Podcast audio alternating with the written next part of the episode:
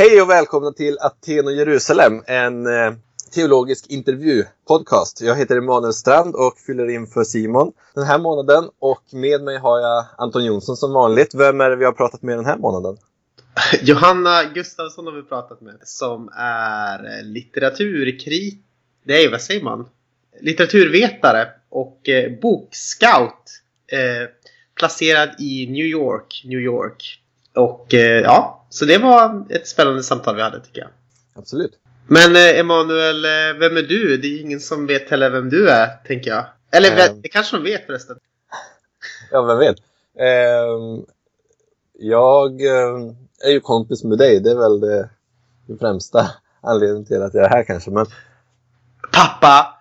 jag är pappa, eh, teolog, Kompis. Kompis, musiker. Eh, och jag har ju också blivit intervjuad ja. i ett avsnitt av den här avsnitt podden. nummer 12, tror jag. Om man vill, är mer nyfiken på mig så får man väl kolla in det avsnittet. Ja, just det. Mm. Det låter som en bra idé. Ja, Jag är stort fan av den här podden också, skulle jag säga. mm, jättebra. Du, eh, det är roligt att du är det. Men eh, ja, Vi rullar väl, eller? without further ado så går vi direkt till eh, intervjun med Johanna Gustafsson.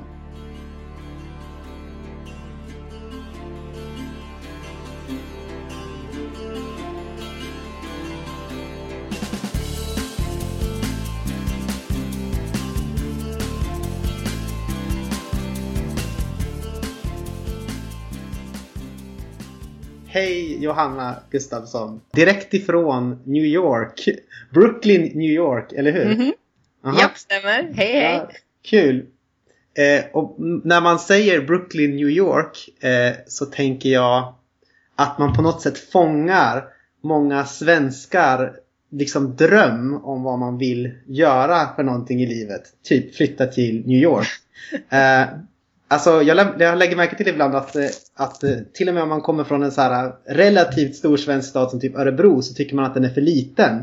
Och man vill hela Mm. tiden till någonting större sådär. Och jag tänker att drömmen om New York är liksom det yttersta uppfyllandet Mm, av vad man önskar. Mhm. Ja. Ja, nej, det, jag, jag känner mig fortfarande förvånad att jag är här. Eh, för jag var inte en av dem som, eh, som drömde eh, om New York. Um, och jag har hamnat här för att jag är gift med en amerikan. um, men som jag träffade i Sverige. Och han... um, uh, vi, vi pluggade tillsammans. Han var i Sverige och vi, vi pluggade vår master tillsammans. Och sen så efteråt så sökte han jobb här. Och för mig var det liksom, ja okej men då hur blir det då? Uh, och sen så fick han jobb här och jag minns det fortfarande som ett, som ett slags blixtnedslag i mig när jag plötsligt kom på så bara, men jag skulle ju också kunna flytta hit. För för det hade, att, att flytta till USA hade verkligen varit en helt icke-existerande möjlighet i min, i min värld tror jag. Eh, jag hade nog tänkt att jag skulle kunna flytta till Tyskland eller ner i Europa eller till England. Men jag har aldrig varit intresserad av USA. Ehm, så hamnade jag väl här lite grann på så sätt av en slump. Ehm, eller ja, livet, livet tog mig hit och nu tycker jag att det är en helt, helt fantastisk stad och är jätteglad att bo här. Men det var absolut ingenting jag hade drömt om eller hade tänkt sett mig själv göra. Vad är det som är, vad är, det som är liksom bäst med New York då? Om man ska säga något. Eller vad är, det, vad är din, om du ska, ska ge en bild av vad det är som är fantastiskt med New York så hur skulle du måla upp den? Det är en fantastisk stad för dels för att den är eh, så stor. Det är såklart det som är, eh, är nackdelen med den också. Eh, men det är en stor stad full med ja, invandrare. Eh, Mm. Så det är det. otroligt enkelt att känna sig, sig välkommen. Jag tror att det är därför det har blivit en så otroligt populär stad också att flytta till. Eh, det, det blir väl som en slags positiv cirkel. Um, därför att det är, man kommer hit och man känner sig genast hemma. eh, Mm. För att alla, allt får plats här på ett, på ett sätt som jag aldrig känt eh, någon, någon annanstans tidigare. Mm. Sen så jobbar jag ju med, med böcker eh, och det här är väl hjärtat av förlagsvärlden i hela världen. Eh, all litteratur finns här men också all annan typ av kultur. Eh, alla, alla de största museumen eh, ligger här och eh, alla artister bor här. Så att personer som, man kan, som kommer till Sverige en gång varje år eller kanske var tredje år. De, de spelar ju här på små barer varje vecka. Eh, så det är så otroligt enkelt om man är kulturellt intresserad att få tillgång till, till kultur som ja, bara når, når Sverige. I ytterst begränsade... Ja, exakt. Eh, I jämförelse så har jag insett att, att kulturutbudet i Sverige är, är litet. Och alla vill ju hit, alltså det handlar inte bara om artister som bor där utan det är ju eh, artister, konstnärer, författare från hela världen. Alla vill ju till New York, så alla, det är ju alltid, alltid någon här. Och det är otroligt spännande. Um, och sen är det, bara, det, är en, det, är en, det är en vacker stad också. Uh, vatten och parker och väldigt häftig arkitektur. Um, Vad sa du för någonting Emanuel? Men jag tycker det låter härligt. Vi flyttar väl dit Anton? Ja, det vi kör. Ja. Men det, finns det någon Sverigekoloni då också i New York? Ja, det gör det väl. Mm. Jag har inte varit så, så mycket med i den. Eh, mitt första år här eh, så har de flesta av mina vänner svenskar. Ehm, men sen så folk flyttar ju hem. För att man är, jag har varit här i tre och ett halvt år. Och visum är ju begränsade så att de flesta har ju visum som är kanske ett halvår eller ett år eller ett och ett halvt mm. år. Och sen efter det så har man ett medborgarskap så måste man flytta hem. Um, så att det, det, finns absolut en Sverigekoloni men den är den är, ganska, den, den är ganska rörlig, alltså den förändras eh, mm. varje år. Eh, så nu har det blivit så att de flesta av mina vänner är, eh, är amerikaner. Men det finns, det är ju jättemånga skandinaver här. Jag tror att det är 200 000 har jag hört, eller nästan en kvarts ja. miljon skandinaver i den här stan. Um, så det är jättemånga. Uh, så mm. det händer ju ja, det händer ju skandinaviska saker hela tiden. Och mitt första år så jobbade jag faktiskt på uh, Scandinavia House som är uh, skandinaviska kulturhuset uh, i New York. Spännande. Men eh, jag känner att vi har förbigått en liten sak nu. Nu har vi pratat om New York men vi har inte kanske presenterat vem du är. Just det. Så nu ställer jag den frågan. Vem är du, eh, Johanna? Ja, jag, är, jag heter Johanna Gustafsson. Ehm, jag är 28 år. Jag är uppväxt i Stockholm och Lund i Sverige. Ehm, min kyrkliga bakgrund, som kanske är av intresse för, för vissa lyssnare av den här podden. kan ringa in dig. min, min kyrkliga bakgrund är väl ehm, ska man säga, de, de friare grenarna av, av Svenska kyrkan eh, på olika sätt. Eh, vi var med i en EFS-församling hela mitt liv. Jag var på, varit på otaliga läger med Credo och OAS, Livskraft, eh, när jag var yngre. Eh, och när jag var äldre så, så var, har jag varit ganska engagerad i, eller var åkt, eh, åkt till Labri, eh, ehm, som ju är evangelikalen Francis Schaeffers eh, kommunitetsprojekt. Eh, var mycket i England där, eh, var sen med och jobbade lite grann med Nordiska Labri. Min bakgrund är väl, ja, jag är väl en evangelisk protestant.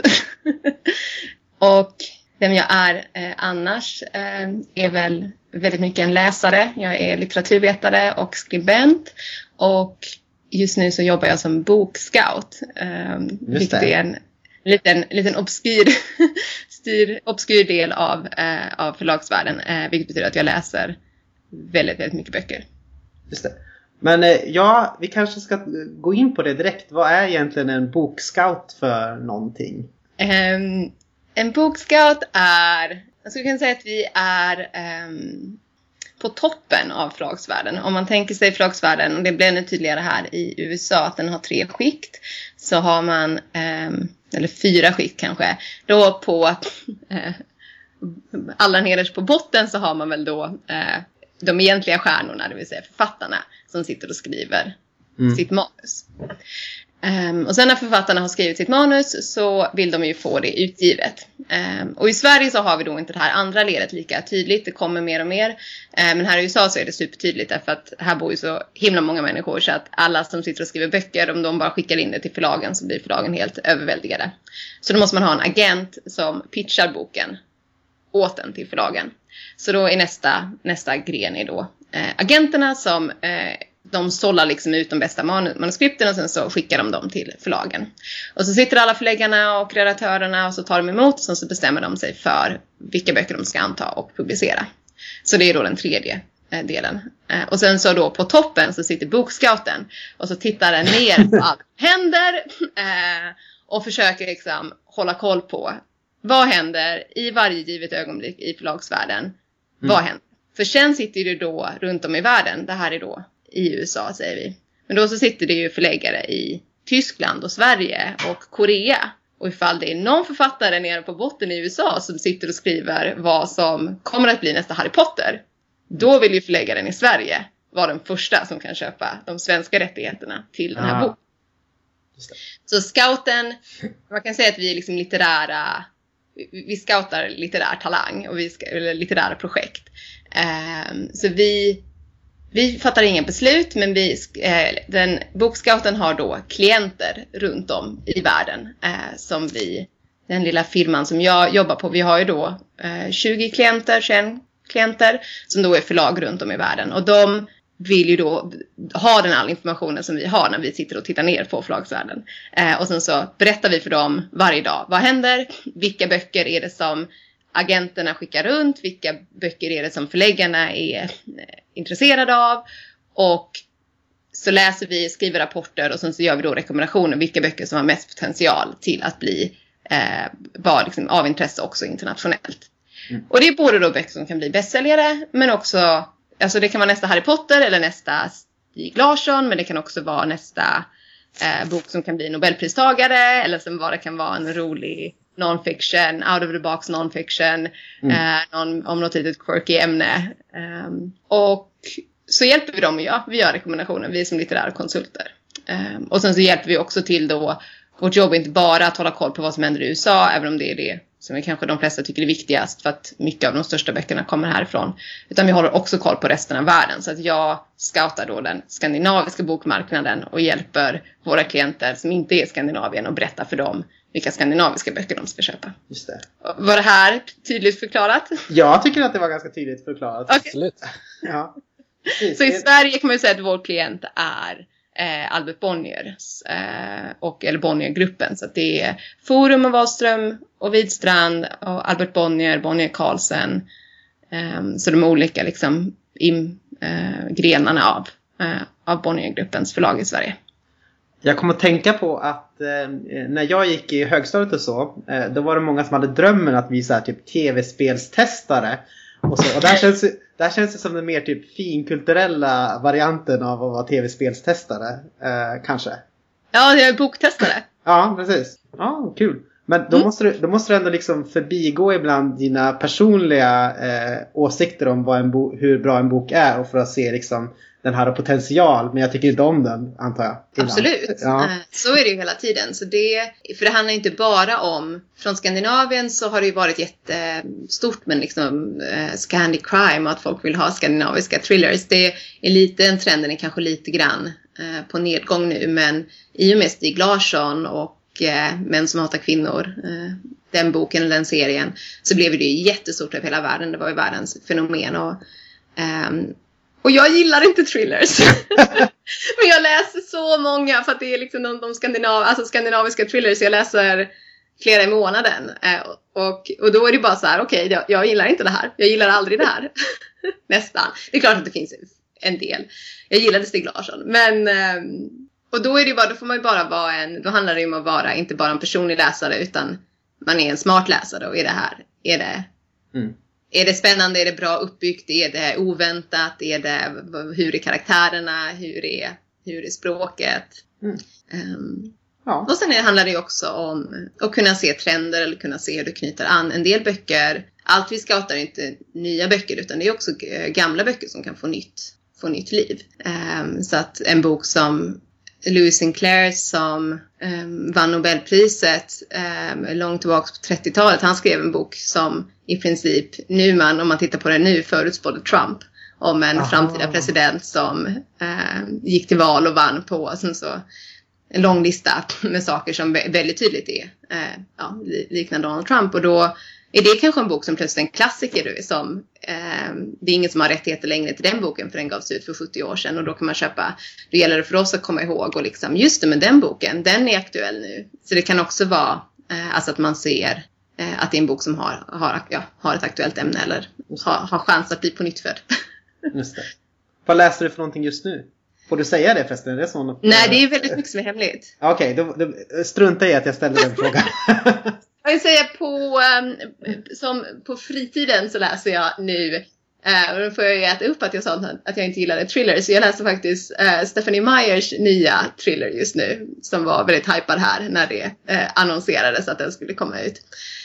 alltså Twilight, författarens. Ja. Um, och den har precis kommit ut i Sverige också. Den heter Kemisten. Um, så den läser jag just nu som för att se. För det är också man vill, man vill se. Böcker som blir hypade så vill man se um, vad de är för någonting. Och jag läser också, har precis börjat läsa The Underground Railroad uh, av Colson Whitehead. Uh, en bok som har vunnit alla, alla litterära priser den här hösten. Som handlar om slaveriet i, i USA. Som absolut är en bok jag rekommenderar och som uh, kommer komma ut i Sverige nästa år tror jag. Mm. Hur många böcker kan du ha i huvudet samtidigt? Alltså hur många läser du parallellt? Jag läser inte så mycket böcker parallellt men man läser en böcker väldigt snabbt. Så man läser kanske en bok. Alltså jag läser ju flera böcker i veckan och rapporterar dem. Mm. Så jag kanske läser Idealt så skulle jag läsa tre böcker i veckan kanske för jobbet. Mm. Eh, men all, all läsning sker ju sker på kvällar och helger för att jag jobbar också sen. Jag jobbar liksom heltid på kontoret och sen så går man hem och läser. Mm. Um, så att jag läser kanske, ja jag läser kanske, ja, mellan en till tre böcker beroende på eh, tempo. Eh, hur, mycket, hur mycket som händer eh, just den veckan. Och man håller dem i huvudet då väldigt intensivt den dagen. Eller den, och det är liksom lite grann på gott och ont. Ehm, man, man läser dem och sen så är de jätteintressanta tycker man just då. Och sen så skriver man kanske en positiv rapport för att man läste det på liksom 24 timmar och var liksom helt inne i den här världen. Och sen inser man tre veckor senare att jag helt glömt bort den här boken. Mm. och den kanske inte alls särskilt bra. Um, um, och det, får, det är något man måste lära sig i jobbet också. Att, uh, att kunna bedöma det, liksom, se ifall det är en bok som um, kommer vara kvar med en. Um, det svarar kanske inte riktigt på din fråga men, men jag läser, alltså jag läser jag läser oftast en bok i taget men jag läser den väldigt fort och väldigt intensivt. Jag, eh, kanske vi ska växla över lite till litteraturvetarspåret. Jag, jag tänker lite på Bibeln och mm eh, Bibeln som litteratur. Kort sagt, hur kan man läsa Bibeln som litteratur? Okej, okay, jag tänker så här. Eh, det var en stor, stor fråga. Men eh, så här att eh, där jag växte upp så kunde man ofta använda Bibeln lite grann som en råvarubod för att få ut doktriner eller läror typ. Alltså man tar en vers här och så tar man en vers här borta och eh, så liksom visa, vi bevisar det en sak till exempel. Eh, vad det nu kan vara. Och då använder man det liksom som massor med ord eller så som står för sig som man kan liksom använda lite som man vill. Förstår du hur jag menar då? Eller? Mm. Mm. Lite så. Och kan man, konsta- kan man liksom sätta en kontrast eh, mellan det förhållningssättet och att läsa Bibeln som du kanske gör det i, i, er, i egenskap av litteraturvetare? um, så, yeah. Hur kan man läsa Bibeln som litteratur? Min, min motfråga är väl kanske hur, hur kan man inte läsa den som litteratur? för det, för det är ju en bok. Det, det, det är ju litteratur. Mm. Um, man kan läsa den som en manual till exempel. Eller som, som ja, eller uh, som en uh, um, kok, eller ja, som en kokbok. Eller att man liksom, här är olika delar som behövs för att man ska få ett, ett gott liv och frid med mm. Gud till exempel. Kan man ju läsa på det sättet. Ja, det, vet, det, det går ju också in under kanske litteratur. Men och det är väl kanske, och det, eller ja, men det är väl, det är väl precis så som, som mm. jättemånga läser den. Eh, mm. Och jag, jag tror att, eh, att det är ett ganska, att det är att reducera Bibeln. Jag tror att man i slutändan kan få ut alla de delarna, eh, kanske ur den på ett sätt. Men att tillvägagångssättet att bara öppna den och liksom plocka ut den, eh, plocka ut en, en vers här och en vers där. eh, inte, inte blir lyckat. Ehm, eller att åtminstone det blir, det blir ganska fattigt i jämförelse med, med vad det kunde bli. Och, och jag tror att vi, eh, vi ser det om... Eh, alltså jag tror att de flesta har, som har växt upp i kyrkan, man har ganska mycket idéer om, om vad Bibeln och de olika, liksom, de olika klassiska ska bibelberättelserna om Adam, och Eva och Kain och Abel och Isak och, och Sara och liksom vad de, eller Abraham och Sara och Isak och Ismael och eh, liksom vad alla de, vad de betyder. Eh, redan och att jag tror att det är ganska många som liksom har växt upp i kyrkan så kan man ge ganska liksom om man, om man frågar om någon, om någon frågar en så här, men vad, vad, är, vad är det här för berättelse? Så kan de väl alla liksom så här hosta upp någon liksom form av sensmoral som man har hört liksom prästen mm. eh, banka in i en liksom sen, sen man var liten eller från liksom barnens bibel. Det är det här, den här berättelsen betyder det här, den här berättelsen betyder det här. Och här är vad vi liksom ska lära oss av den. Men jag tror att, att bibelberättelserna har jättemånga lager och att man skulle kunna, att både vanliga läsare men också de som undervisar att om man slutade ta de här kanske enkla vägarna och liksom, liksom berättade det här är liksom det här är, liksom, det är liksom på något sätt nästan ja, men de, de givna klassiska svaren på vad alla berättelserna är eh, och liksom gav dem mer tid så tror jag att de, nästan alla bibelberättelser har jättemånga fler bottnar. Och det är också det kanske att man har, alltid vill ha en moralisk läsning av bibelberättelser kan jag tänka mm -hmm. kan vara lite problematiskt. Alltså som min gamla lärare Greger Andersson, också litteraturvetare, brukade säga. Ibland vill ju berättelserna bara förmedla ett stycke liv. Mm -hmm. ja, kanske. Absolut. Um, och jag, jag, skri, jag, jag vet ju att ni blev rekommenderade att prata med mig genom Lina Mattebo. Mm. Um, som ni intervjuade här tidigare. Um, och en, en av berättelserna som hon skrev i den här boken, eller var redaktör för den här boken, Feminism och kyrkan. Ja, just det. En, um, och jag skrev en text där om Hagar till exempel som jag tycker är ett, ett väldigt ex intressant exempel uh, på det. Um, som kanske om, om, någon, om man frågar någon liksom, vad är liksom berättelsen om Hagar, vad är det?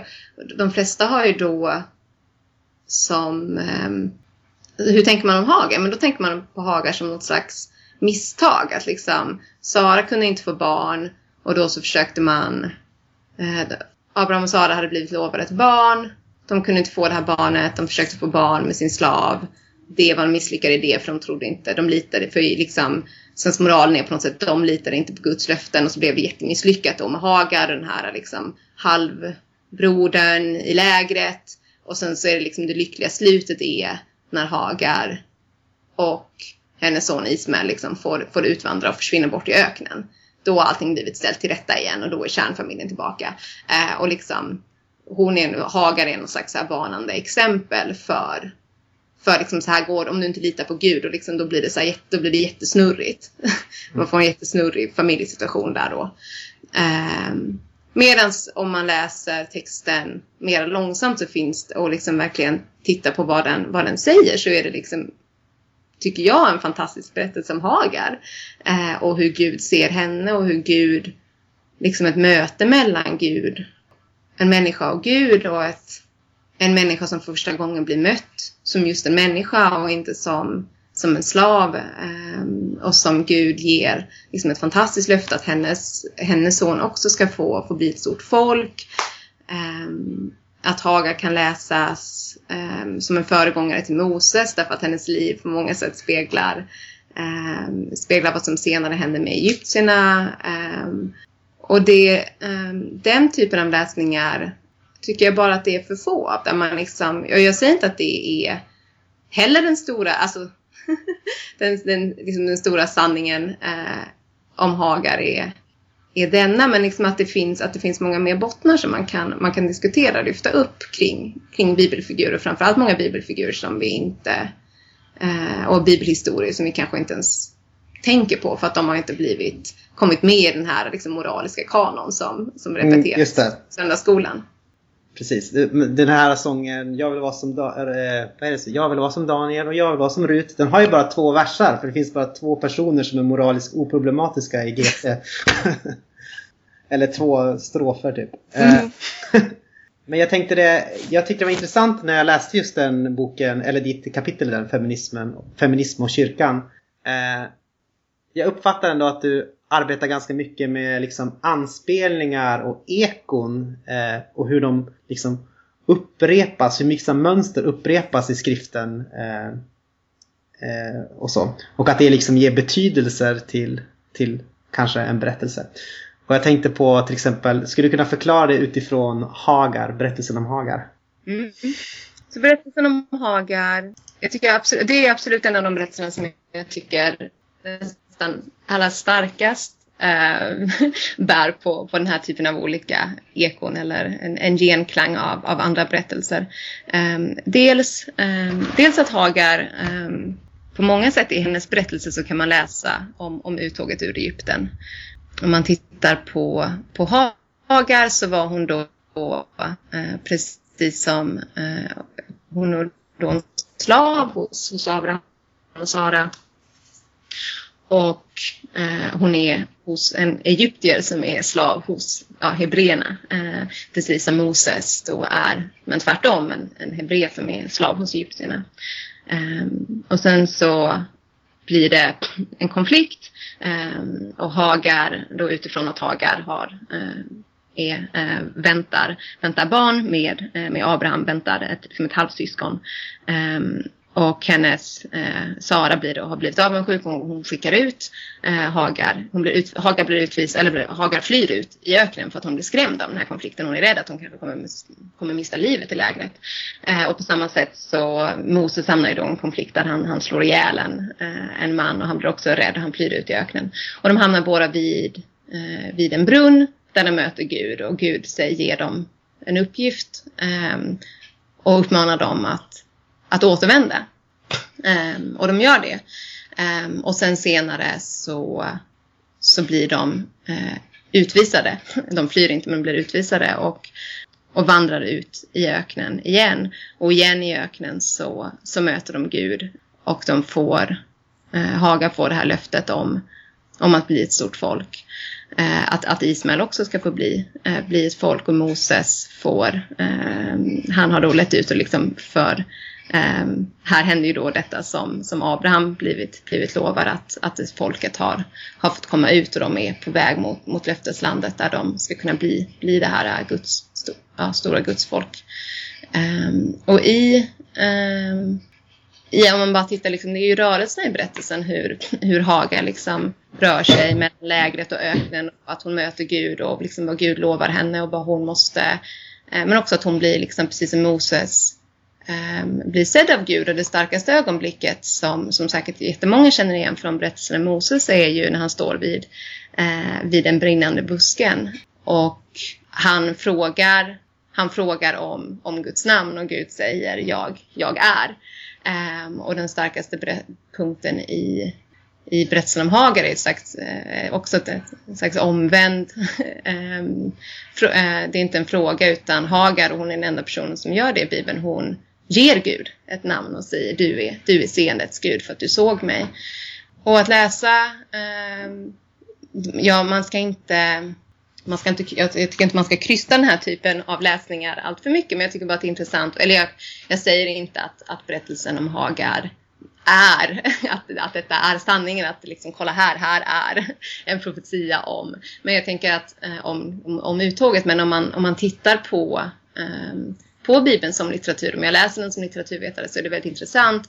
Det är också eh, intressant att se att, att Hagars berättelse, berättelsen om Hagar, precis innan den börjar så kommer profetian om fångenskapen i Egypten. Och sen så kommer eh, att de ska vara slavar där i 400 år. Och sen så plötsligt kommer den här berättelsen om Hagar, om hennes liksom, turer och möten med Gud ut ur öknen, eh, liksom, från lägret ut i öknen tillbaks och sen att hon leds ut då med sin, med sin son. Ehm, och att det, um, det, förstär, alltså det den, den typen av, av ekon och genklanger som går genom Bibeln på det sättet förstärker de stora berättelserna och är, är liksom en slags uppbyggnad och visar ehm, um, de, nej men det, jag, jag tänker att det, eh, det förstärker dem och det ger dem, fler, det ger dem flera bottnar.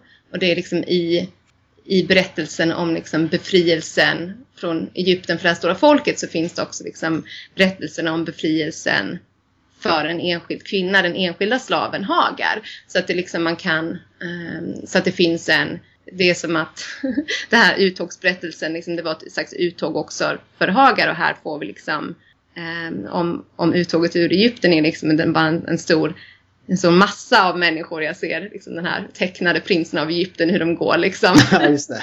Den har vi alla varit Eh, liksom, så många människor, liksom ett gytter av människor som, liksom, eh, som tar sig ut. Så liksom är här en berättelse som zoomar in liksom, en persons upplevelse av, av att bli befriad, men faktiskt på, på ett liknande sätt.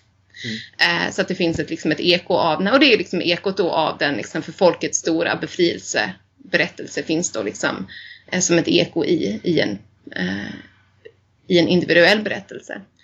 Sen så finns det också, Haga blir då med barn och hon med, med Abraham, eh, med sonen Ismael. Eh, och det är också intressant för att de, en, ett annat spår som jag tänker finns eh, genom Bibeln. Man, man tittar ju mycket på de olika förbunden. Dels det är det nya och gamla förbundet såklart då med, Eh, med de två testamentena. Eh, men det är liksom också genom hela Bibeln så är det ju alla, alla dessa män som sluter förbund med, med Gud på olika sätt och det offras och det, är liksom, det, det lovar saker och Gud ska vara trogen och de offrar sina olika djur. Och, och att den kristna tron är en förbundsreligion, att det, det, men man fokuserar då framförallt med de olika förbunden med män.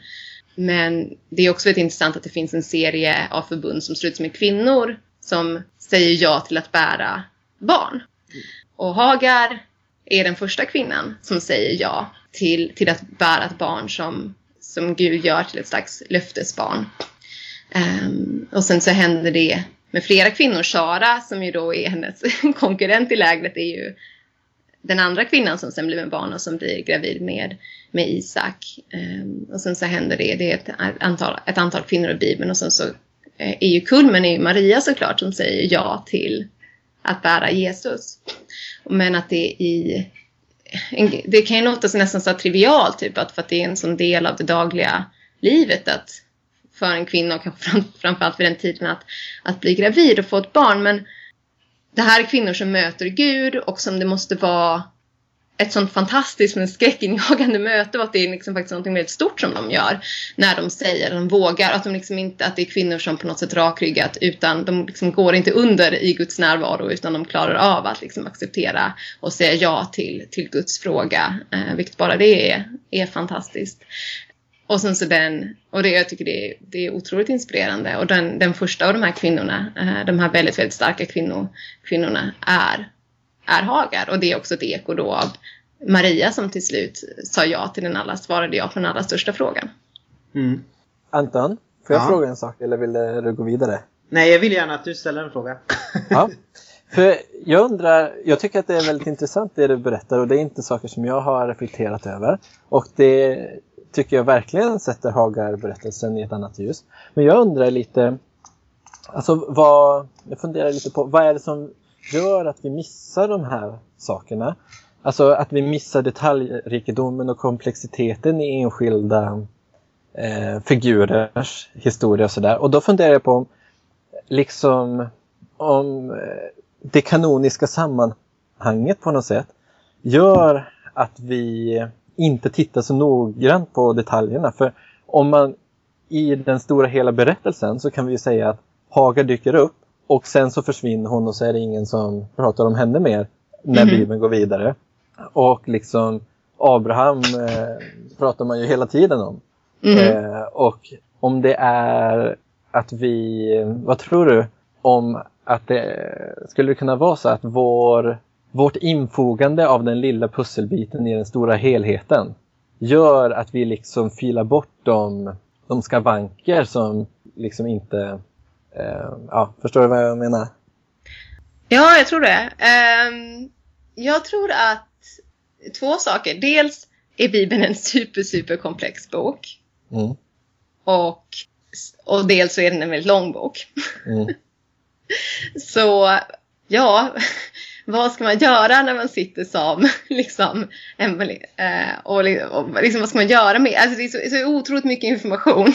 mm, Mm. Så det är såklart att man liksom, jag tror att man har ett behov bara av att ehm, av att förenkla och att man liksom såklart, åh oh, men här är Abraham, hans namn nämns gång på gång på gång. Mm. Såklart jag fokuserar på honom. Mm. Här har vi Jesus, hans namn nämns hela Mm. tiden. Såklart fokuserar vi på honom. Och här är liksom ett, ett fantastiskt budskap men som har liksom massa komplexa, liksom, ja men uddiga eh, kanter. Mm. Om jag nu ska förmedla det här budskapet, ja men liksom för att det ska gå hem och folk ska fatta, såklart att man liksom slipar ner det. Och jag tror att det, det är liksom väldigt mänskligt och så gör man ju. Men jag tror att det är upp, och jag tror att för vanliga läsare, jag säger inte att, att vanliga läsare, eller vad man ska säga, vanliga kyrkobesökare, vanliga, vanliga kristna eh, ska sitta och läsa Bibeln eller kan. Alltså det är ju en, man måste ju träna sig att, att läsa är ju en, är ju en konst också. Mm. Och man måste läsa väldigt många gånger för att kunna se den här typen av, av gen, ja, ekon och, ehm, och så. Men jag tror att för det kristna ledarskapet så finns det en risk att de också börjar förenkla. Mm. Eh, Just för att man vill, ja, men man vill att budskapet ska gå hem och man, man, vill, man gör det lite enkelt för sig. Och, och det tror jag är farligt. Det, och, liksom, och det blir också tradition och det blir liksom traditionellt riktiga svar. Och Mm.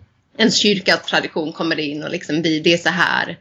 Ja, den här och den här figuren har blivit en symbol för oss eller har, blivit, har varit en viktig figur för oss. Och liksom man fortsätter berätta berättelser på, på samma sätt. Och sen så kommer man som ny och ung så är man kanske rädd för att utmana det allt för mycket.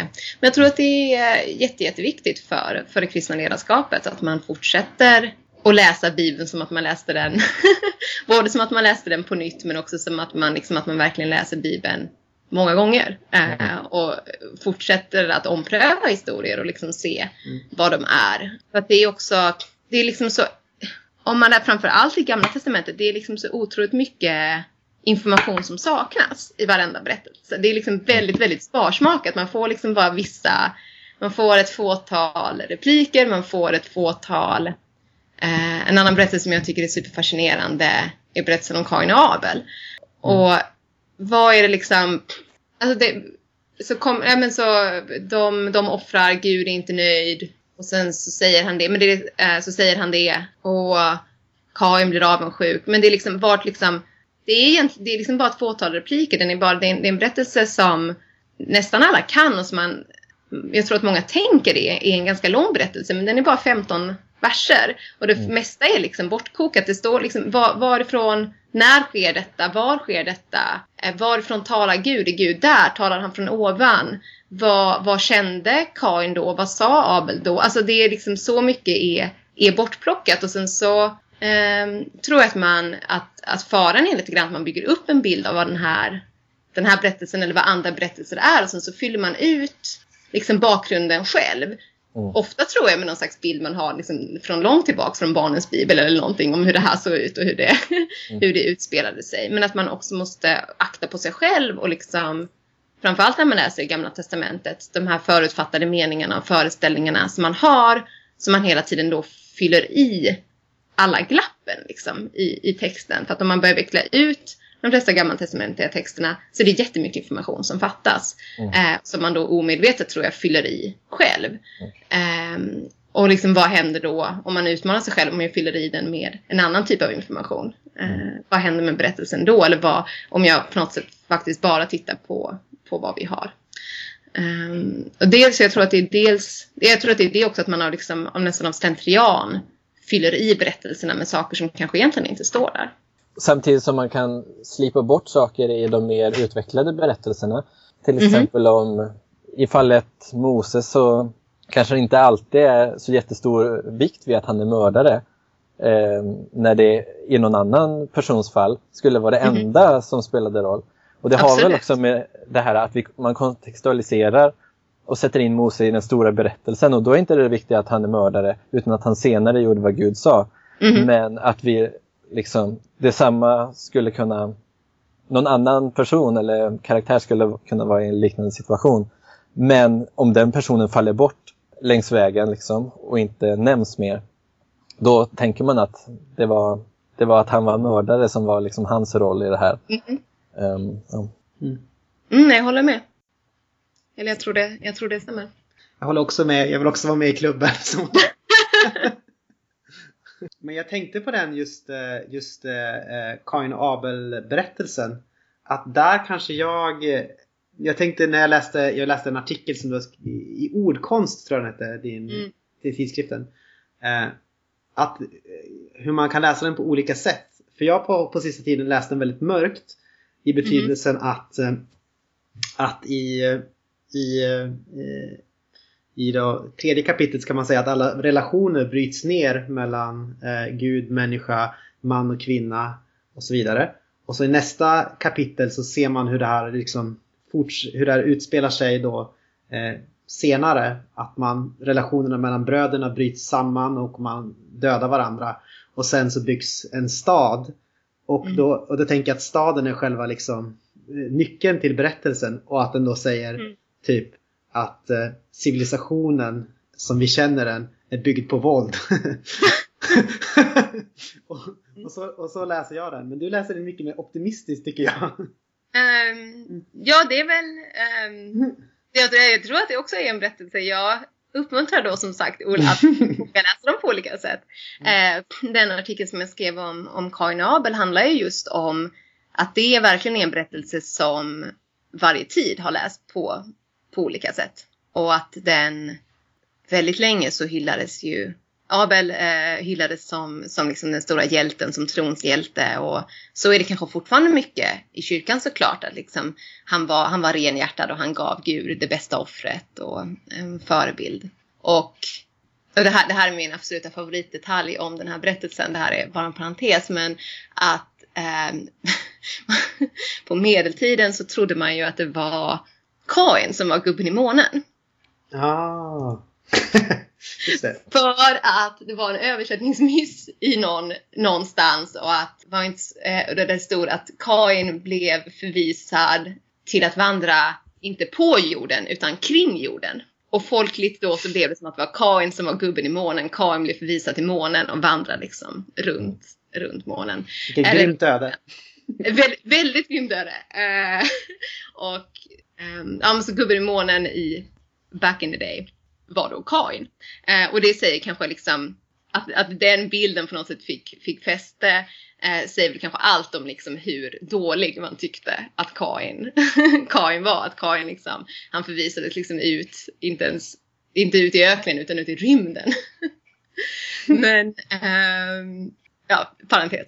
Ehm, jag tänker att eh, att berätta, och sen att, eller det som jag skrev om eh, då att, att senare så eh, i modern tid så blev Kain å andra sidan liksom när människan, eh, eller säga, den eh, västerländska människan liksom under 18 1800, tidigt 1900-tal gjorde upp med kyrkan. Så plötsligt så började man sympatisera, började Kain dyka upp i litteraturen jättemycket. För då blev han plötsligt eh, liksom, det här är en så stark mytisk berättelse så att den, här, liksom, den mytiska Kain plötsligt blev en, eh, en väldigt intressant figur att identifiera sig med istället. Liksom, människan som, som vågar bryta med Gud. Men det som jag tänker med, med den berättelsen, jag, jag tycker att det är en absolut en, en berättelse som kan läsas eh, otroligt, otroligt svart. Och som du säger, att, att det absolut är en, en fruktansvärd bild av hur människan blir, blir förvisad ur Eden och och så faller alla relationer samman och liksom det första mordet, det är liksom inte ett mord på en, på en fiende utan det är din egen, det är din, det är din egen bror. Um, alltså fruktansvärt, fruktansvärt svart. Um, samtidigt så, um, så tycker jag att det finns en, en hoppfullhet i, i, i, i Kain på det sättet att Gud, att Gud ändå verkar fortfarande finnas där. Alltså att Gud inte, inte helt överger honom. Och att det det är, liksom, det är intressant på något sätt vad, vad händer med Kain för att Kain absolut är personen som bröt med, med alla. Han bryter ju med, med liksom sin med familj, med sin, ja döda sin bror. Eh, så han liksom förstör alla sina relationer. Men på något sätt så är det när Gud säger att han liksom visade ut honom i öknen så dels att det liksom finns, det är nästan som någon typ av frist också, tänker jag att man skulle kunna läsa det som. Eh, för att om, om du dödar din lillebror hur skulle du kunna vara kvar hemma eller hur skulle du kunna vara kvar med dina föräldrar och se på något sätt liksom sorgen och, och skulden, ilskan i deras ögon. Att det är liksom att han får det liksom, han blir förvisad men det är kanske också en slags hopp om ett nytt, nytt liv för honom och det är liksom kanske i ett liv i utkanten men det är liksom det finns, uh, han, han skickas ut i öknen och öknen är en så så stark bild i, i Bibeln för, för vart liksom Gud, dit Gud kallar människan när han vill förvandla dem. Eh, om vi kommer tillbaka till Hagar och till Moses så har vi öknen igen där de liksom möter Gud och de blir, blir förvandlade och de måste liksom möta sig, liksom måste möta på något sätt den konflikten de orsakade hemma när de skickas ut i öknen så ställs de, möter Gud dem och bara men vad Hagar, vad, vem flyr du ifrån? Moses, vad, vad är det du flyr ifrån? Och här blir Kain förvisad men någonstans ute i öknen så vad, vad, är det han flyr från? Ja han har ju, eller vad är han förvisad ifrån? Jo det är ju de här relationerna han har förstört. Men ute i öknen, vilket man också ser att, liksom att öknen är, är en bild för både en plats för förvandling men det är också liksom en, en dödsdom att visas ut i öknen. När, liksom, när Hagar visas ut i öknen i slutet av berättelsen om Hagar så, så är det alltså underförstått är att hon kommer dö där för att man, man klarar sig inte i öknen. Alltså som en ensam person så klarar du dig inte där. Och Kain skulle heller inte klara sig i öknen. Och nu, och nu kommer vi väl in på lite grann frågan är hur många andra människor fanns det vid den här tiden? Men jag tänker som att Kain kunde grunda en stad så tror jag, jag tänker i alla fall att det fanns fler människor än bara Adam och Eva och Kain när detta hände. Och liksom vad, Kain måste på något sätt när han kommer ut i öknen för att överleva i öknen så kommer han behöva upprätta relationer igen. Han kommer behöva lita på andra människor för att överleva där. Och den här på något sätt den här hur han, ja, han dödade alla sina relationer hemma men han måste liksom våga göra relationer igen när han kommer ut i öknen. Och för att bygga en stad, en stad är också relationellt.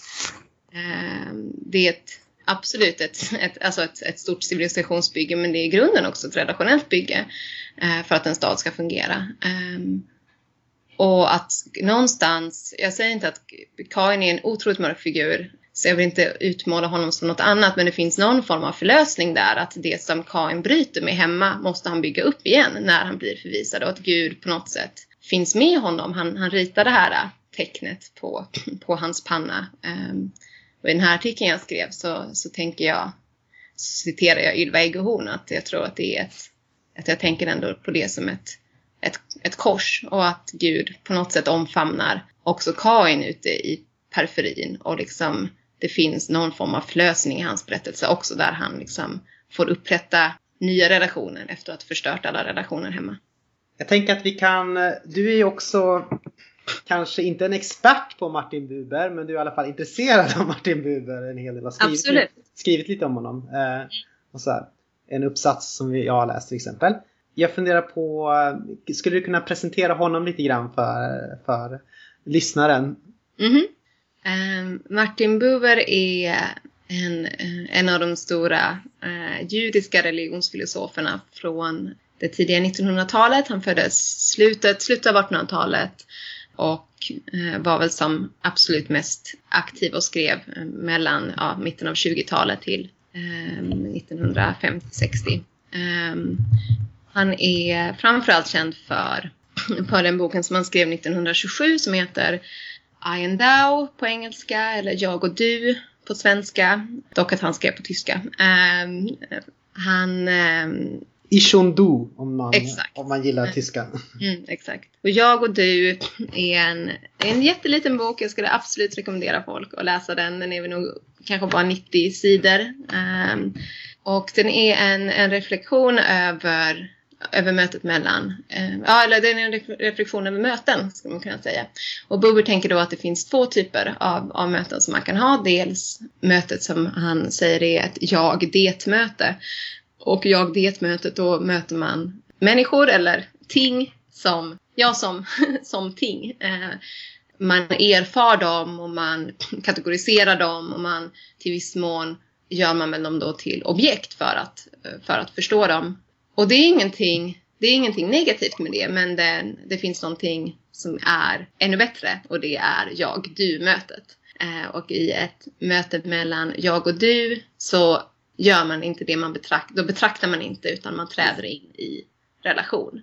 Så man träder in i en eh, relation med, med det man har framför sig. Eh, och när man träder in i, han, det han tänker då är att jag det och jag, du, det säger inte bara någonting om det man möter utan det säger också någonting om en själv. Och när man, när man träder in i ett jag-det-möte, det är väl det som vi gör den mesta av tiden, eh, det gör vi inte med hela hela vår själ eller hela vår varelse. Men när vi träder in i ett jag-du-möte, då, då gör man det med hela sig själv utan, utan någon form av begränsning. Och det, eh, det man möter, man tillåter inte det att få en begränsning heller. Så det är liksom ett, ett helt öppet ett helt öppet möte utan, utan fördomar, utan, utan en gräns liksom för vad den andra får vara. Och därför finns det inte längre då en gräns för, eller man själv är också öppnas upp eh, helt mm. eh, för det här liksom stora, äkta, dialogiska, jämställda eh, mötet.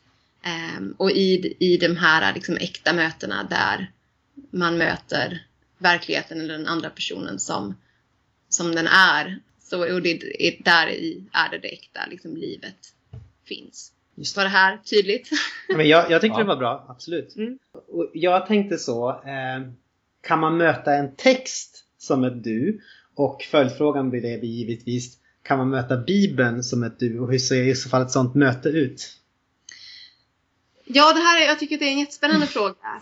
Eh, Martin Buber är, man behöver inte alls skriva under på, på allt han säger, men jag tycker att han är en som kristen så tycker jag att han är jätte, jätteinspirerande att, eh, att tänka på. Eh, det som han tänker är att, eh, om jag går tillbaka till de här mötena, jag, ehm, så finns det dels då mötet, ja, jag, eh, ett, eh, ett jag-du-möte som sker med ja, naturen eller liksom skapelsen eh, omkring oss. Ehm, och sen så finns det då ett, det andra typen av möte är då mötet med, med andra människor.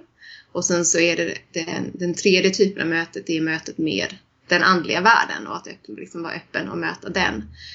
Och, och alla de här, att alla, det, det, som jag dels tycker är väldigt fint är eh, hans tanke att, eh, att i den andliga världen, det pekar upp mot det eviga duet, det vill säga, och det är mm. Gud. Um, och att Gud är liksom ett, ett evigt, en, en och det, ja, jag tycker det, det rimmar väldigt fint. Buber var ju judisk men jag tycker det rimmar nästan ännu finare med den kristna tanken om, om treenigheten. Att, um, att det finns ett, eller att Gud är då det eviga duet, det eviga mötet, den, liksom, den sanna dialogen, det sanna... Um, ja men det är liksom i, i Gud där finns det det sanna mötet. Och alla möten som vi har som är då möten bortom liksom de, den här typen av objektifieringar och Ehm, och kategoriseringar när vi liksom verkligen möter verkligheten, verkligen möter andra människor, då blickar vi samtidigt upp mot, mot Gud. Och eller då vi får en, liksom en smak av vem Gud är. Och i när vi möter den, liksom den andliga verkligheten så får vi också liksom det, eh, det, pekar, mot, det pekar mot Gud.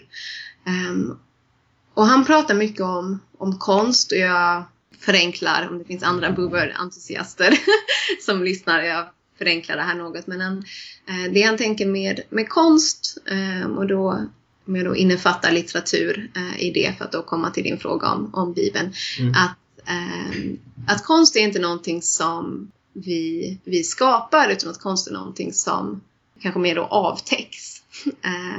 och att det som det, de konstnärliga uttrycken han tänker det som ett slags, som ett slags möte med den, med den eh, andliga verkligheten.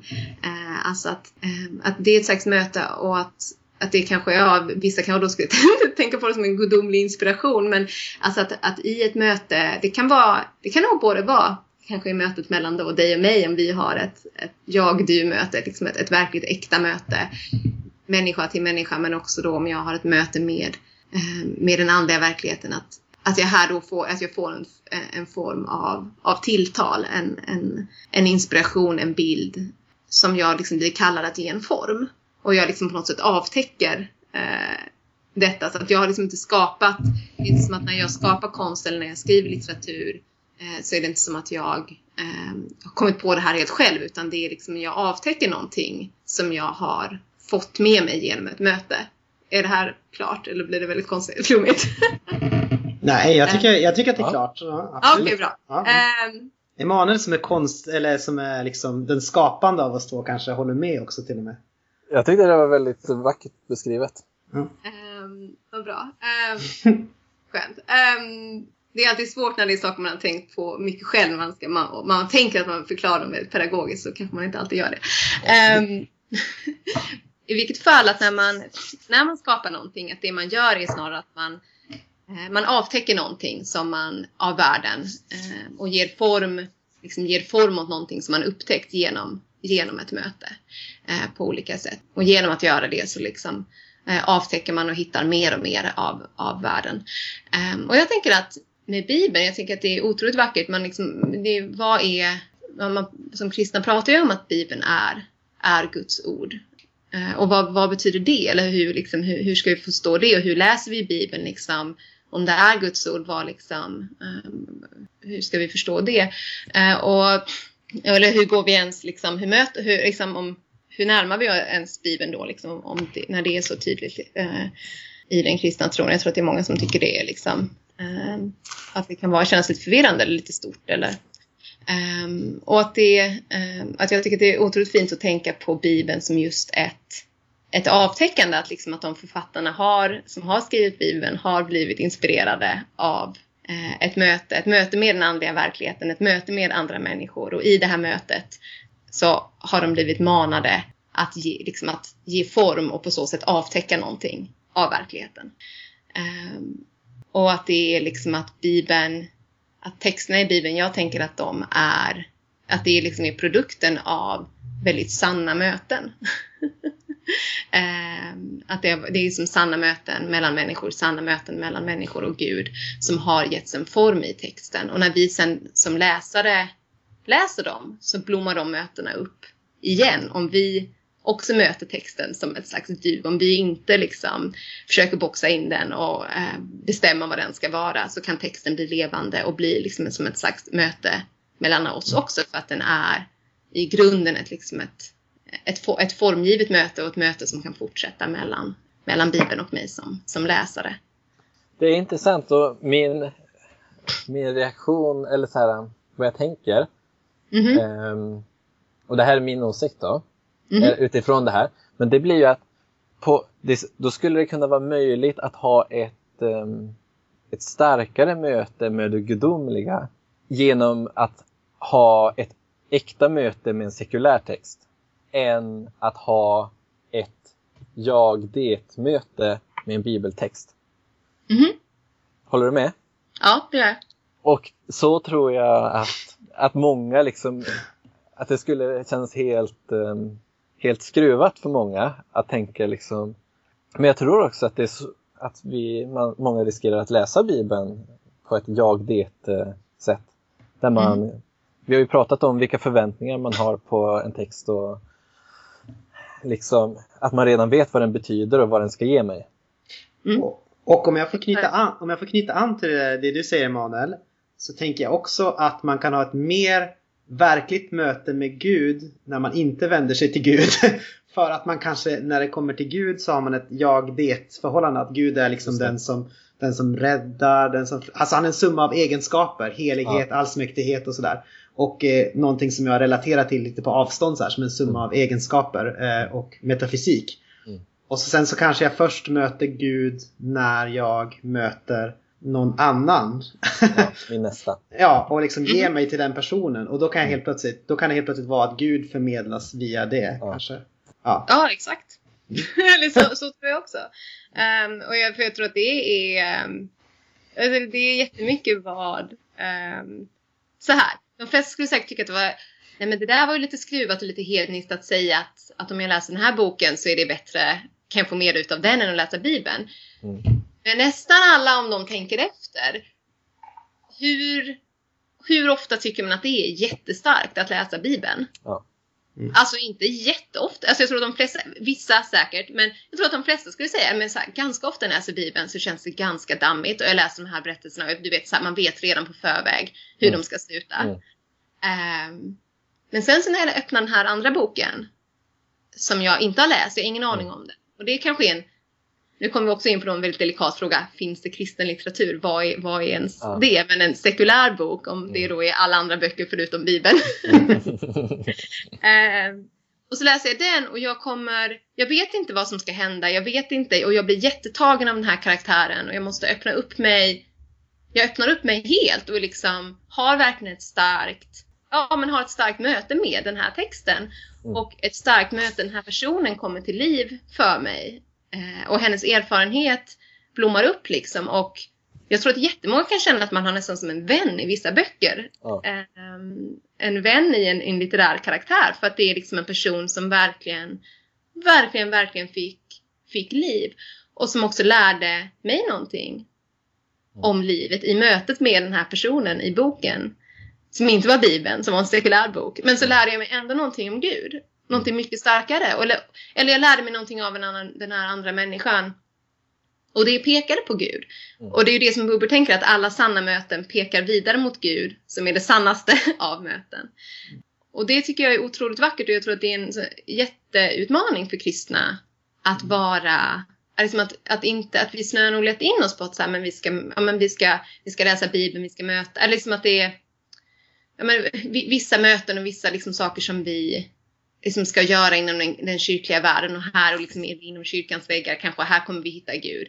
Men att jag tror att det finns så mycket av Gud också liksom, att, upptäcka i varje dag genom eh, att våga öppna oss för andra människor. Att det är, om vi tar oss tillbaka till urhistorien och de första bibelberättelserna igen i Gamla Testamentet, att det är liksom att det är liksom på något sätt grund, det som Gud allra först kallade oss till. Liksom att Adam är ensam, han behöver någon och det allra första som händer är liksom att för människan är liksom att vi, hon blir kallad till en relation, att Adam och Eva blir kallade till en relation med varandra och en relation till Gud och, eh, och att de tillsammans, också så otroligt fint tycker jag att, att de tillsammans i sin relation speglar Gud. Och det tror jag är just för att de är i, i relation, de har ett möjlighet att möta varandra och att det liksom finns det här liksom på något sätt en förhoppning där om ett sant möte mellan människor som sen då kan peka upp för dem då mot det sanna mötet med, med Gud. Och att det är liksom, för oss finns det tillgängligt överallt. Jag säger inte att vi, vi, alltså att vi behöver verkligen kyrkan, vi behöver så mycket av teologin och ramarna och, och allt det här andra också, men vi, ehm, jag tror att det verkligen finns en um, jättemycket att, att hämta och lära just genom att vara, ja, ha möten med, med andra. Det kanske så- det... Ja, förlåt. Nej, säg, säg du. Jag tänkte bara säga, är det kanske det här som katolikerna kallar sakramentalitet? Kanske.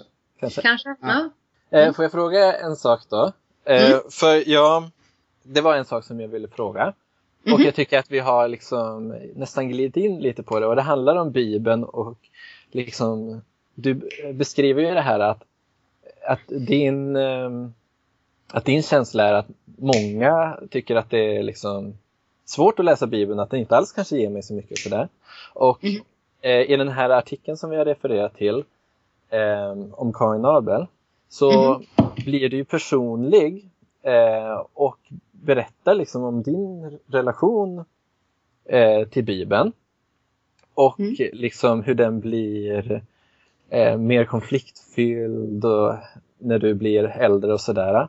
Och också en, eh, en ängslan över att liksom du skriver någonting i stil med eh, Jag har lärt mig hur många felsteg man kan ta Mhm. eh, i tolkningen. Eh, så att det liksom finns en, en varsamhet i mötet med Bibeln och sådär.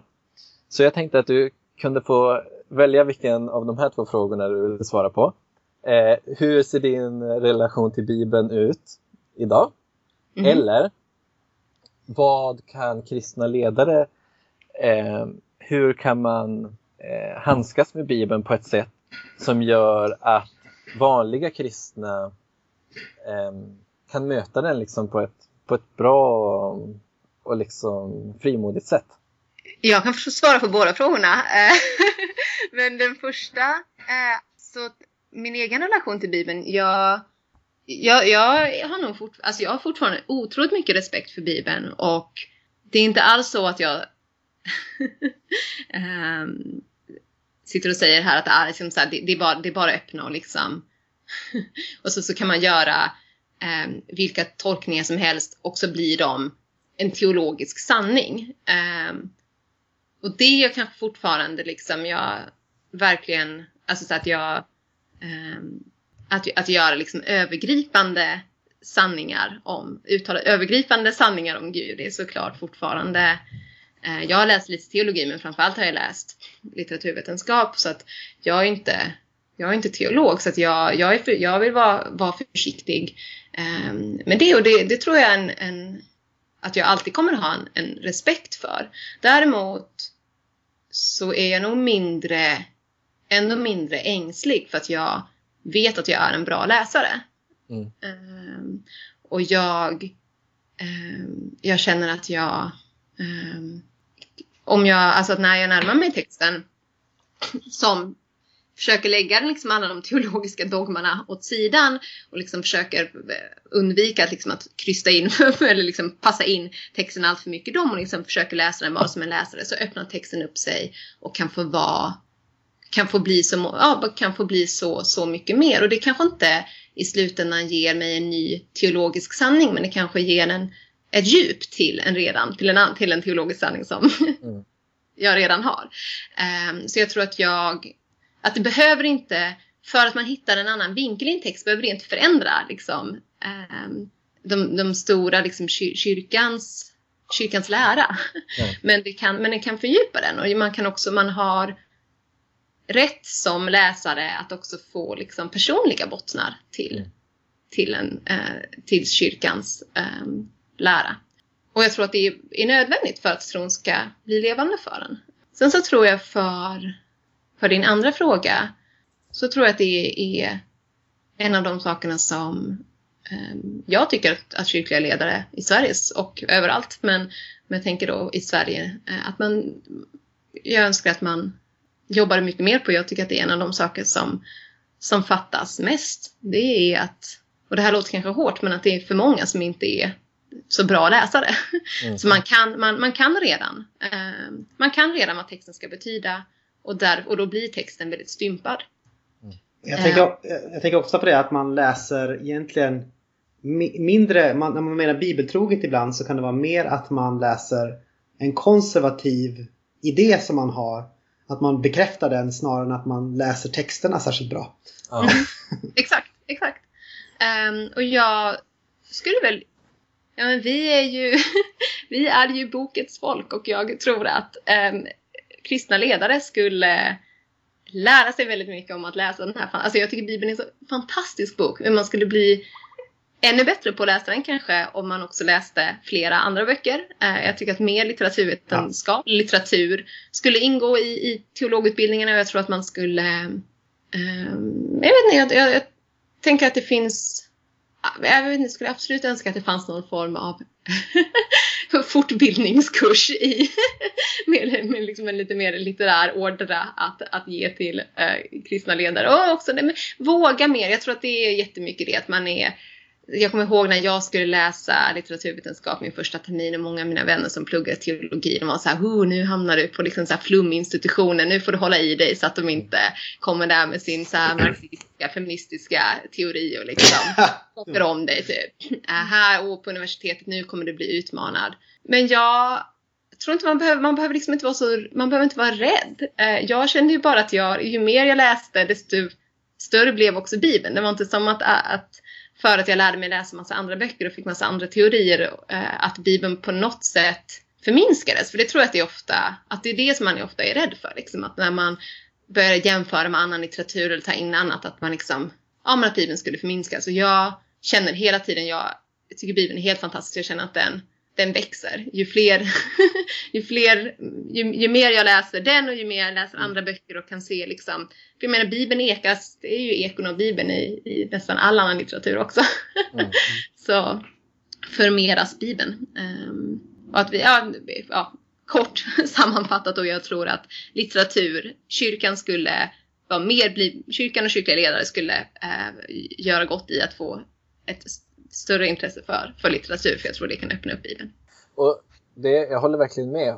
Jag undrar också, ibland har jag upplevt att om jag själv har ett, eh, som jag själv då tycker, ett, ett möte med en text som eh, liksom inspirerar mig och som visar mig något nytt och sådär. Eh, I mötet då med någon annan som inte har pluggat teologi eller som inte är en van bibelläsare så kan nästan det vara avskräckande. Så här, jaha, inget av det där hade jag hade jag sett. Och att Mhm. man liksom blir, att man står handfallen liksom utan. Så jag undrar, kan kanske det här att vara en läsare och ehm, att tillägna sig eh, mer annan litteratur, det kanske ska gälla vanliga kristna också? Absolut. Eller vad tror du? Ja, det tror jag är en, upp, alltså det tänker jag är en uppmaning, absolut en uppmaning till, till alla kristna. eh, att ehm, nej men, så här, nej men är man kristen så är man ju i är man ju i världen och att, liksom vi, att, att lära sig mer om, värld, mer om världen, ta del av världen, ta del av ehm, ta del av kultur och ta del av litteratur eh, och låta det förmera ens, ens bibelläsning och förmera ens, ens kristna tro. Eh, absolut. Eh, och det är ju så här, alla tycker inte om att läsa. Det är ju så att jag vill inte, och, och så är det ju och det är okej. Titta på film. Eh. eller något. Ja, titta, men ja, det finns, det finns. ehm, men jag tror att historier och det, och det tror jag att vi, så här, att, att Bibeln på något sätt verkligen understryker att, att historier är, alltså berättelser, är väldigt viktigt. Ehm, och att de lär oss någonting. Ehm, vi, ehm, vad är det att C.S. Lewis säger i någon av sina böcker att, nej men alltså att litteratur var, var, varför ska man läsa som kristen? Och att det är, alltså att du kan få, alltså det, det, alltså det är en sån fantastisk relation för att du kan få vara och gå in helt i någon annan utan att liksom, gör, liksom ta avsteg på, på dig själv. Eh, Mm. Mm. men, och det är också någonting som är väldigt intressant med litterära karaktärer, att du kan inte, och i, eller i berättelser, att liksom med and, andra människor så kan du, eh, kan du manipulera eller kan du försöka ändra. Men en karaktär i en bok eller en berättelse, den är ju redan där. Eh, Den är redan fast, du kan inte ändra den hur mycket du än vill. Så liksom här är texten eller här är berättelsen, det, det är så den det är så den är skriven, det är så den säger och då måste du du kan inte förändra den utan att förstå den så måste du, kan du bara liksom försöka gå in i den och försöka, försöka förstå den. Liksom känna, liksom, leva dig in i den, känna empati med den, liksom, känna dig för i den. Och du behöver inte göra avspråk, liksom, någon form av avsteg på dig själv men du liksom tvingas gå in och se världen liksom, genom, genom någon annan. Och att det är ehm, Eh, att, det, att det är helt fantastiskt. Ehm, och för ehm, alltså kristna ska, jag, vet inte, jag tänker att om man, om man läser som kristen så är det verkligen, alltså att man lär sig att, att känna empati med, eh, med andra, man, man lär sig att se världen på så många olika sätt. Ehm, och att berättelsens kraft är liksom så otroligt viktig för liksom, hur vi skapar världsbilder och hur vi, hur vi skapar, ja, skapar vår förståelse av världen. Eh, och att Bibeln är kanske den främsta boken men genom att läsa andra berättelser så fortsätter vi att, liksom att formas och bli bättre på, på att mötas och eh, möta andra, sen också möta, när vi har tvingats att möta de, liksom, de fiktiva karaktärerna så blir vi sen också bättre på att möta verkliga, verkliga karaktärer och möta dem med respekt. Vi brukar ha så här, vi har, ursäkta att vi tar upp så mycket av din tid förresten. Eh, Men, men vi har två frågor som vi alltid eh, brukar ställa. Mhm. Du kanske har hört, tal- eh, om du har lyssnat på något avsnitt så kanske du har hört vilka de är. Ja, jag vet en i alla fall tror jag. Ja, ja precis. Det är eh, Vem är Jesus Kristus och vem, bö- vem tycker du att vi ska intervjua? Ja, just Eh, ja. Emanuel, vill du ställa dem så man får höra med din behagliga stämma? Johanna, vem är Jesus Kristus? Ja, det är den bästa frågan och den, den svåraste frågan. Um, utifrån det som vi har pratat om så kanske jag då ska återvända till Hagar eh, som ju säger när hon, när hon namnger Gud, hon, hon är den enda som namnger Gud, så säger hon i Bibeln, eh, när, han möter, när Gud möter Hagar vid brunnen så säger, så säger hon Du är seendets Gud. Och när jag tänker på vem är, vem är Jesus Kristus så tänker jag väldigt mycket på jag har honom som ja, seendets Gud i den, i den bemärkelsen att han, att, han blev, eh, att han blev människa och att han har kommit hit eh, och sett oss. Eh, inte från ovan utan i ett verkligt äkta möte. eh, att, att Jesus är den som ser, att han är den som ver, alltså verkligen, verkligen möter människor. Att där, jag tycker att det är så otroligt tydligt i, i evangelierna att här, att det som beskrivs är inte jag det möten utan verkligen du möten där han möter andra personer. Precis som um, Ja, precis som Hagar då som var en, en, en vart förminskad till bara en, en slav. Kommer ut i öknen och blir, blir sedd av Gud plötsligt för den hon är så, så, ser, Gud, men, eh, så ser Jesus människor för, för dem, vilka de är. Så att Jesus är den som ser eh, och så att Jesus Kristus är vårt vittne.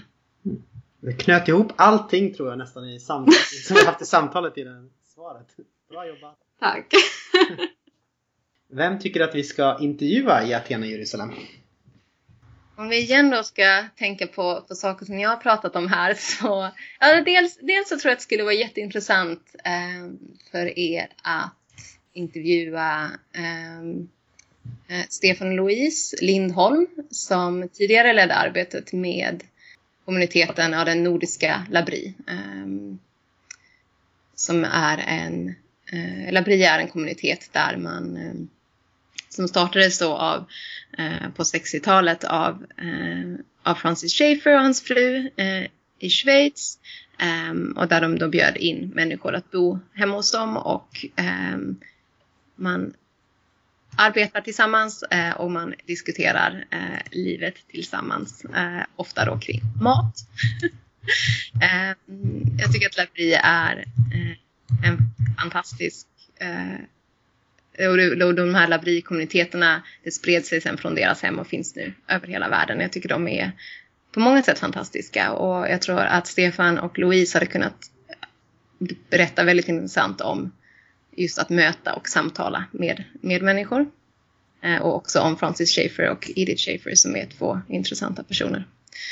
Sen, jag har ju sett också att ni har haft vissa så här, lite större teologiska kändisar som har gjort korta inhopp. Ja. Um, en person, nu, nu, säger jag henne bara kort för att jag um, tycker otroligt mycket om henne um, när det kommer till, och om inte annat så blir det ett, ett boktips. Eh, en, så är det Eleanor Stump som är en helt, helt fantastisk eh, ja, teolog eller filosof är hon framförallt. Eh, när det kommer till att, eh, att läsa bibelberättelserna som litteratur och hitta hitta djup i dem som man kanske inte hade sett fanns tidigare. Hon har skrivit en fantastisk bok som heter Wandering in Darkness eh, som handlar om ondskans och lidandets problem som hon då besvarade utifrån en ska man säga, litterär läsning av, av fem eh, bibelberättelser. Hagar bland annat, men utifrån, eh, utifrån att Abraham ska eh, offra Isak. Helt, helt fantastisk kvinna. Så att ja, hon, eh, hon, hon är ganska generös med sin tid så att om hon, ja, hon är väldigt intressant. Eh, men också eh, jätte, jättebra bok att läsa. Eh, om, man vill, eh, om man verkligen vill läsa någon som är, är väldigt, eh, väldigt, väldigt smart och duktig teologiskt men som också då just använder eh, bibelberättelser för att göra sina teologiska argument.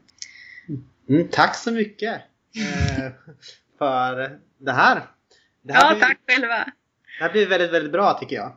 Eh, Vad bra! Ja.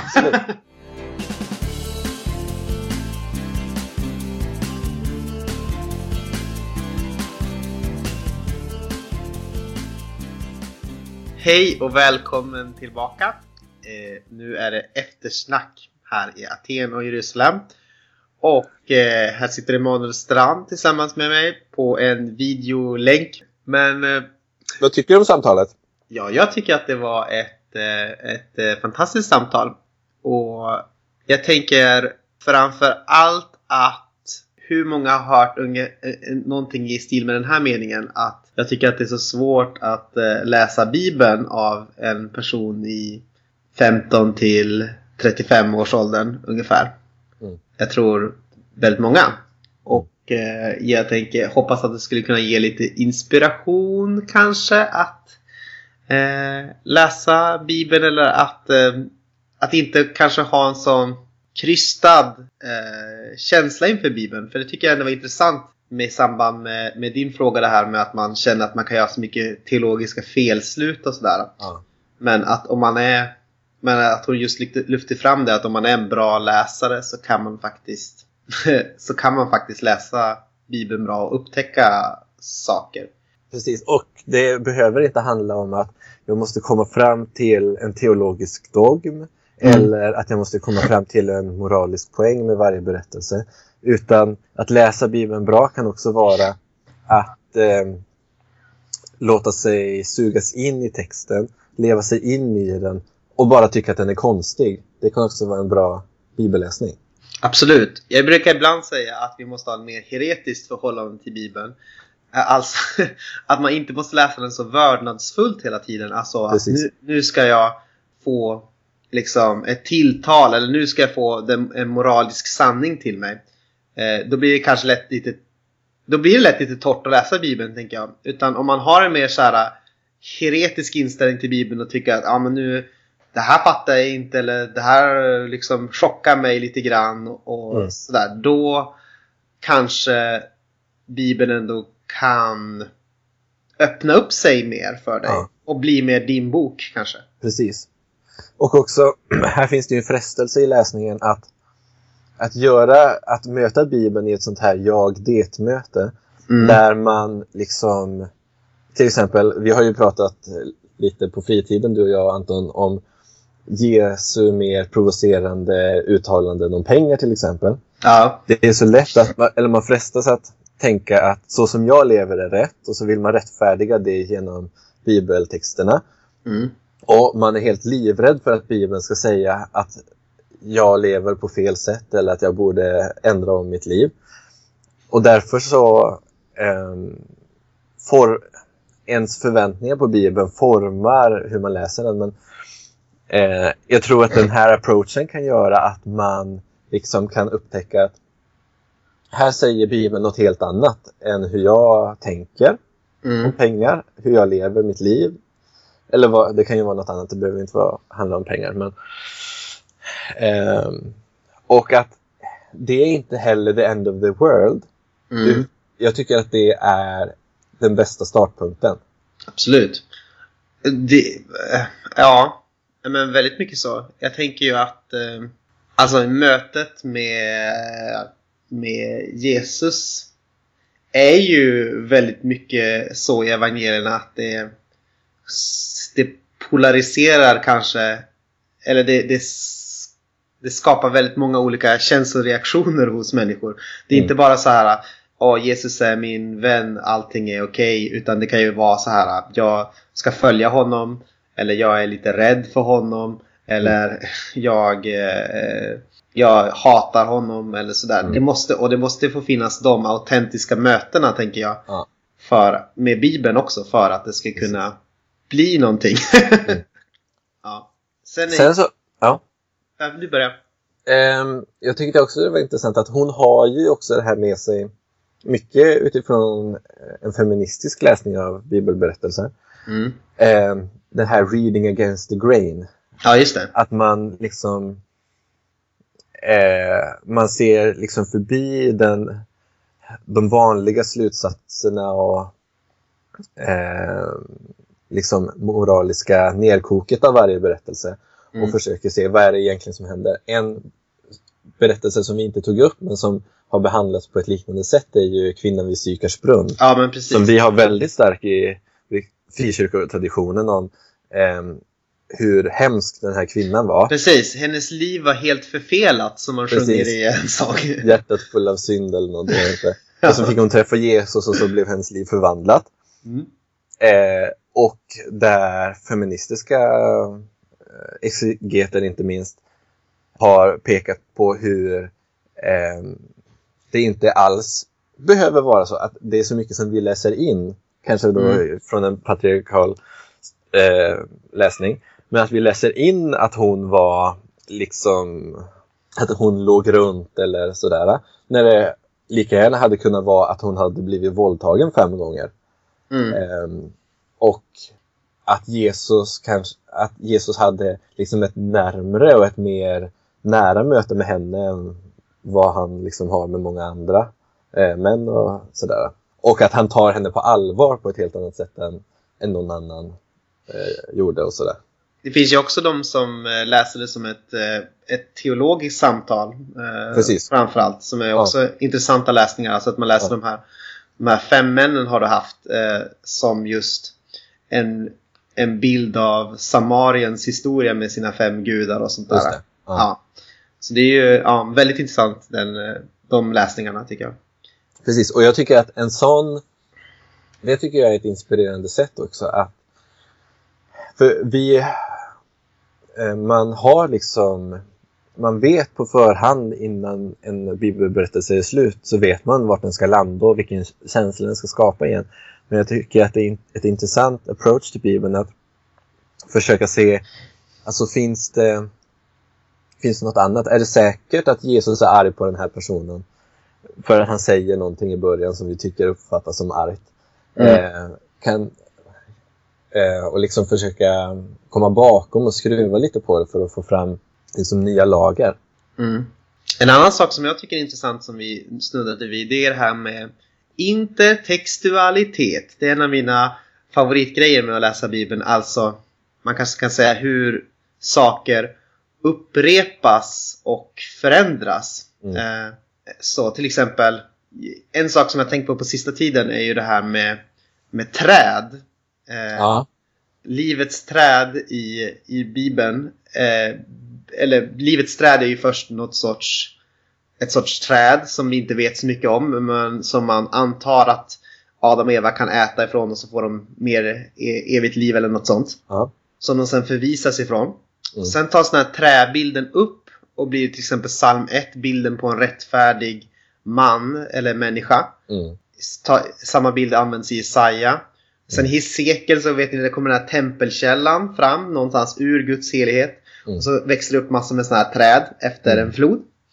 Och så sen till slut så tänker jag att Jesus kallar sig själv eh, Jag är det gröna, eller om de gör så här med det gröna trädet, hur ska det inte då Mm. gå med det förvissnade? Mm. Och eh, till slut i Uppenbarelseboken så pratar man om att livets träd står bland människorna och ger, eh, ger, Mm. frukt, eh, ger frukt eh, 12 gånger om året. Eller ja, och så vidare. Eh, och dess träd läkedom för folken. Mm. Och då tänker jag att bilden har liksom gått från att vara kanske ett mytologiskt träd till att handla om en person, till att handla om Messias, till att handla om eh, till att liksom bilden av i Uppenbarelseboken kan då nästan läsas som att det är Jesus som står mitt ibland eh, Mm. folken och eh, ger det läkedom. Och det, den bilden kan man ju inte läsa in när, direkt när man läser första Mosebok för sig. Nej. Men det, men det blir så när man, när man liksom ser texterna hur de liksom använder och upprepar Ja. varandra och ekar varandra så blir, kan man läsa det så som Mm. kristen. Just. Bra. Typ så. Så det tycker jag är intressant också. Det är ju, Mm. intertextualitet är the shit. ja, Ja. Tack för att jag fick vara med. Det var väldigt härligt. Det var ju roligt att du ville vara med. Jag tror att eh, du har någon sorts hemligt poddprojekt på gång du också. Ja, det är hemligt så det ska jag inte säga någonting om här. Men Men- När det, när det goes live så kan vi lägga ut det på Aten Jerusalems sidor och sådär. Att det här är Manuels nya poddprojekt. Absolut. det Ja. kan jag göra. Ja. Kul. Mm. Eh, men då tackar vi väl för oss. Vi ses i nästa år, 2017. I januari. Ja. Hoppas vi. Tack så mycket. Hej hej. Jingle bells, jingle bells, jingle all the way.